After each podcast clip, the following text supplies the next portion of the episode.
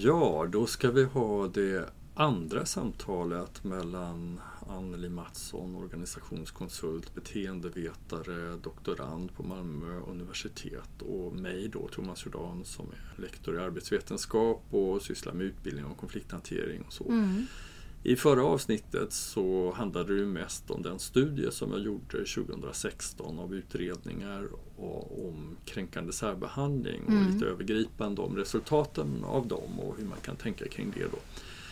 Eh, Den här gången har vi tänkt att vi ska börja i alla fall i den ändan och, och prata om det här eh, besvärliga temat skuld Mm. i sådana här fall. va? För jag tror att vi båda har stött på det att man väldigt lätt hamnar där. Att, eh, och försöker man problematisera kring det här med upplevelser eller äkta fall av kränkande särbehandling så, så blir det väldigt viktigt det här med skuld. Så Mm. jag skulle vilja höra vad har du stött på för slags situationer eller problematik kring det här med att prata om skuld när det gäller kränkande särbehandling? Mm. Eh, jag tänker att det, eh, det är en stor anledning till att man värjer sig. Man undviker både att ta i problemet och att, eh, så att säga, problematisera sitt eget beteende. Att man eh, vill ha så att säga, någon att lägga skulden på också. Och dessvärre tänker jag att det också är min erfarenhet att organisationer eh, ibland vill ha någon medarbetare att lägga skulden på när det kanske handlar om organisatoriska problem eller en arbetsmiljösituation som är eh, inte bra och sådär. Mm. Och det jag tänker är, alltså en förklaring till det är ju att forskningen om mobbning under väldigt lång tid har fokuserats på offer-förövar-perspektivet. Där man har forskat på så att säga, individuell nivå kring olika saker. Egenskaper eller man så att säga tittar på interaktionsmönster mellan två personer. Och det har ju också blivit en praxis i det att med detta med anmälningarna som ju har ökat efter att de nya riktlinjerna från Arbetsmiljöverket kom 2016 så har det också blivit så att man anmäler en, en person. Ja. Och då blir fokus automatiskt på en person. Och det blir väldigt laddat, skapar väldigt mycket skuld, oro och stress. För ett problem som egentligen, tänker jag, handlar om social exkludering från en grupp. Så hade vi kunnat ändra fokus på det så hade det varit bra, tänker jag. Så du tänker att eh, den här tendensen att eh, tänka i termer av förövare, offer och skuld till något som har hänt, att det ibland eh, skymmer över eller Ja. försvårar att ta tag i det som egentligen då lyfta fram i ljuset? eller? Ja, verkligen. Och, och jag tänker också att det han- handlar om den här definitionsförändring av begreppet kränkande särbehandling hos Arbetsmiljöverket. Där den tidigare definitionen så var det väldigt knutet till just mobbning och psykiskt våld och Mm. eh, väldigt eskalerade situationer. Eh, och det fanns också en väldigt tydlig moralisk, eh, liksom, eh, alltså att man pekade på det omoraliska i att särbehandla eller att mobba någon. Mm. Eh, så det blev mycket fokus på eh, det klandervärda beteendet, står det till exempel i den Mm. gamla de- definitionen och så.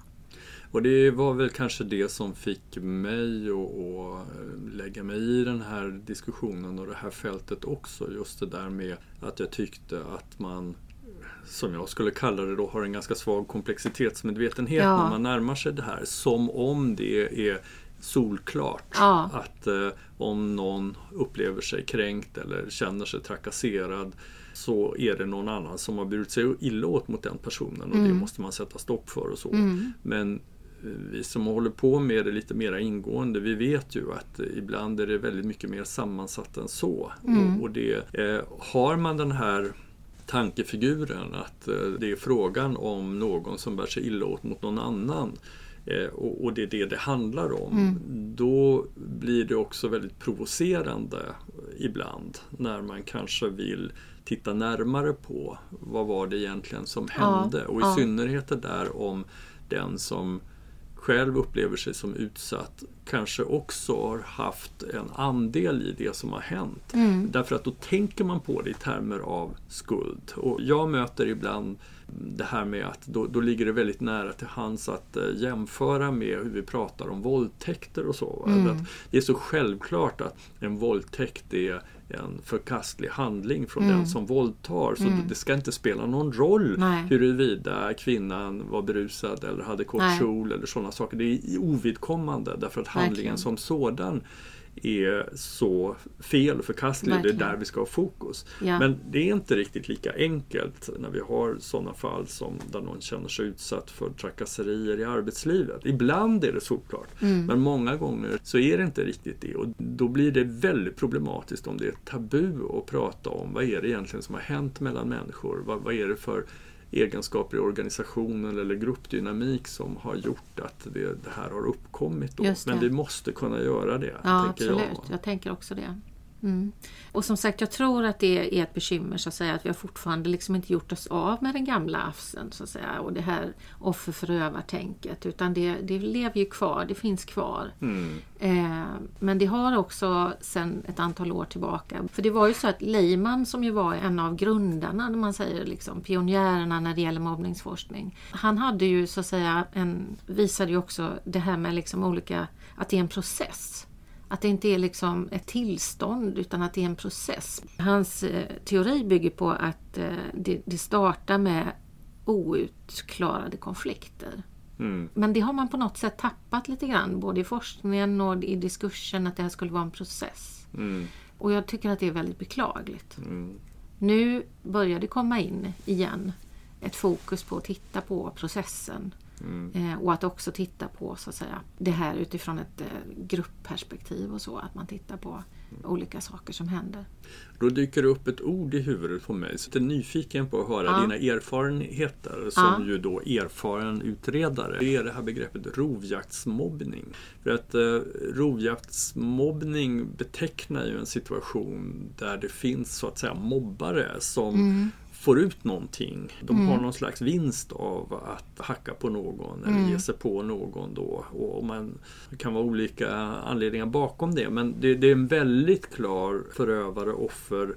Där där är det solklart att förövaren verkligen bär sig illa åt mot någon som är ett eh, utsatt offer och får någon vinst av att göra det på det sättet. Och då är min fråga till dig, hur stor andel av de fall som du har varit skulle du placera i kategorin rovjaktsmobbing? Alltså det första, det första jag tänker på kring det begreppet är att man liksom kopplar det till någon form av liksom patologi eller liksom narcissism eller eh, maktmissbruk, psykopati och sådana saker. Och eh, det skulle jag säga är relativt få Mm. eh, gånger. Däremot så skulle man ju, alltså ju- rovdjursjakten som begrepp eller som ord är ju lite intressant också för jag skulle säga att de flesta rovdjur inte beter sig så utifrån någon slags sadistisk eh, eh, böjelse eller så. Utan det handlar också om överlevnad och i det så handlar det om någon form av osäkerhet, någon form av hotbild som man då på ett eller annat sätt eh, vill neutralisera. Jag tänker att det är det också många gånger. Att det handlar om ett konkurrensbeteende. Mm. Och om man ser det utifrån det perspektivet så skulle jag säga att det är mer vanligt. Att man konkurrerar om en position eller man konkurrerar om olika resurser, sådana saker. Det skulle jag säga är mer vanligt.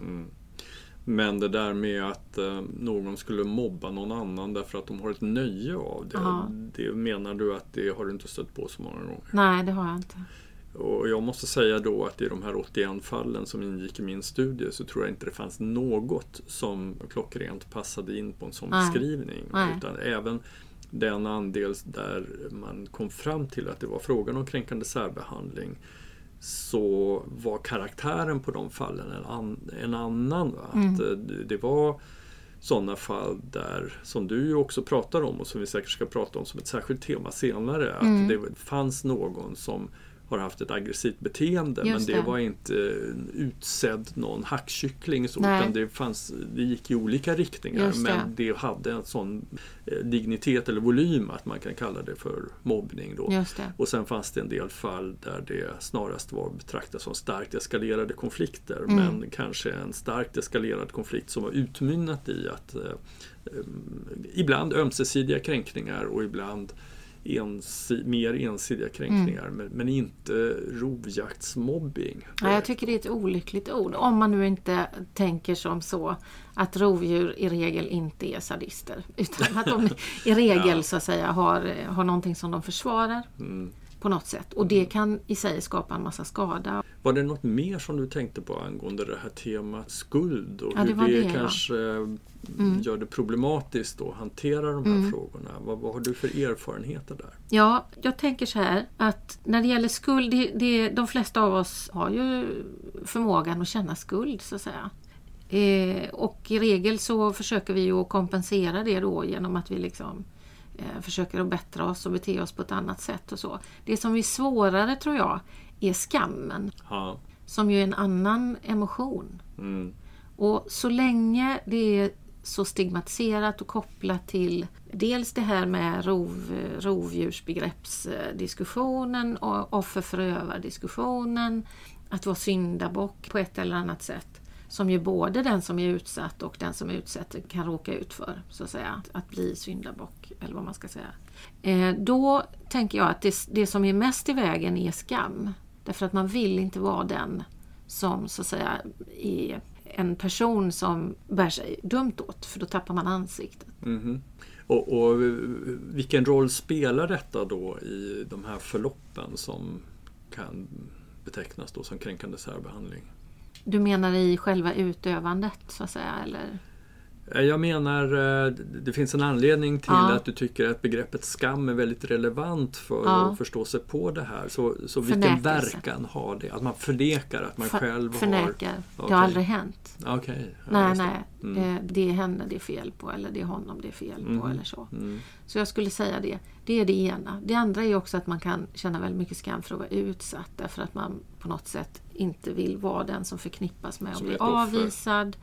Eh, Man vill inte vara ett offer, man vill inte så att säga vara den som inte får vara med helt Mm. enkelt. Mm. Och, så att skam ligger i båda eh, polerna eller vad man ska Ja, säga i just det. dynamiken tänker Ja, jag. Ja. Och har du några tankar om hur vi kan trappa ner eh, den negativa effekten av skamkänslor när vi hanterar den här sortens ärenden? Mm. Eh, det jag tänker är på något sätt också att eh, skapa det som, det som man pratar om som psychological safety i, i arbetsmiljön, i organisationskulturen. Att man jobbar aktivt med att, eh, så att säga, skapa en atmosfär där det är okej att vara annorlunda. Där det är okej att tycka annorlunda och där man har möjlighet då så att säga eh, vara the bad guy utan att man åker ut. Alltså att man kan skilja på beteende och person Mm. och inte stigmatisera det så mycket. Mm. Utan att, att det kan vara så att säga att man normaliserar att ibland går man över gränser, man gör fel saker, man kan bete sig dumt. Och på något sätt försöka att neutralisera det här med att vi ska vara perfektionister liksom och Mm. alltid göra det rätta. Mm. För det kommer att misslyckas hela tiden. Nu triggar du igång min bakgrund som forskare i Okej. vuxenutveckling Ja. för att eh, min eh, erfarenhet och slutsatser också av studier det är ju att eh, ju mer människor är medvetna om och reflekterar över orsaker, till exempel psykologiska mekanismer Mm. som påverkar både en själv och andra människor, Mm. desto mindre utrymme blir det för att tänka i termer av skuld. Ja, Så om man inte tänker så mycket, vare sig när det gäller en själv eller andra, på hur kommer det sig att jag eller andra reagerar så här eller beter sig så här eller att det händer sådana här saker i Mm. en grupp eller så. Desto mer förklarar man det som händer med helt enkelt fasta egenskaper. ja, Och, eh, och ibland, i värsta fall, så är de egenskaperna också värderande. Så att det Mm. handlar om är jag bra eller dålig? Är det Just fel det. på mig Precis. eller är det fel på den andra? Precis. Och när man fastnar i det tänket, Ja. då triggas det igång väldigt mycket försvar, tänker jag. Just det. Det har ju med vuxenutveckling på det sättet att göra, att, tänker jag då, att Mm. eh, människor som är väldigt ovana Mm. vid att reflektera över hur fungerar jag och Ja. varför känner man det man känner? Ja. Vad är det som triggar igång vissa reaktioner och beteenden? Desto lättare är det att eh, gå i försvar och förneka och, och fastna i ett avvärjande av skam och skuld som Ja. du var inne på. Just det. Det är ett jätteviktigt. det? Absolut. Och jag tycker det är ett väldigt viktigt område så att säga. Men då menar jag också att eh, det här är ju ingenting som handlar bara om att knäppa med fingrarna. För det är Nej. som du säger att om vi kan få människor och att om vi kan normalisera den Ja. här sortens mellanmänskliga processer och vad som händer i dem och förstå dem. Då trappas skulden ner. Det. Men det är inte så säkert att det är så lätt att få med sig människor på att tänka på det på det sättet. Nej. Och därmed göra det pratbart det som har hänt. Precis. Och kanske medge att eh, man inte agerade så optimalt i alla lägen och så. Precis. Det är ett bekymmer. Och det är också ett kulturellt bekymmer, ett samhällsproblem tänker jag att det är på det viset. Ja, eh, vi, ska, vi ska göra rätt och vi ska vara liksom perfekta i många avseenden. Det ska inte finnas någonting att klanka ner på. Det har blivit ett väldigt jämförande och eh, den här Mm. vågskålen mellan vad som är rätt och fel och så. Mm. Och vi behöver bli helare som människor tänker jag. Där vi kan liksom se våra egna tillkortakommanden utan att, liksom, att hela självbilden rasar ihop för det. Jag som använder rätt så mycket av min arbetstid till att utbilda människor Mm. i olika sammanhang kring konfliktkunskap och konflikthantering. Jag hoppas ju verkligen att det jag gör ska leda till en större förståelse och normalisering av konflikter och vad som Just det. händer med människor i konflikter och vad som händer med en själv eller kan hända med en själv Just i det. konflikter. Och att det i sin tur ska leda till en avdramatisering Ja. och en avlastning av skuld och en mindre benägenhet att tänka i termer av rätt och fel Just och bra det. och dåligt och skuld och så. Och att eh, mera förstå, ja, vem som helst kan hamna i sånt här. Ja. Ja, Och nu har vi gjort det och nu är det en himla soppa men hur det. tar vi oss ur det igen? Precis. Ja, så Mm. tänker jag. Okej. Hur är tiden här? Hinner Ja, vi? nej, men jag tror att det kanske är ganska lagom Ja. att runda av. Är det någonting som surrar i huvudet dig just nu? Ja, det surrar jättemycket men jag tänker att det är ett andra program helt enkelt. Jag tycker också Ja. att vi kanske eh, sa Nöjer vad vi behövde där och så får vi ta ett Ja. varv.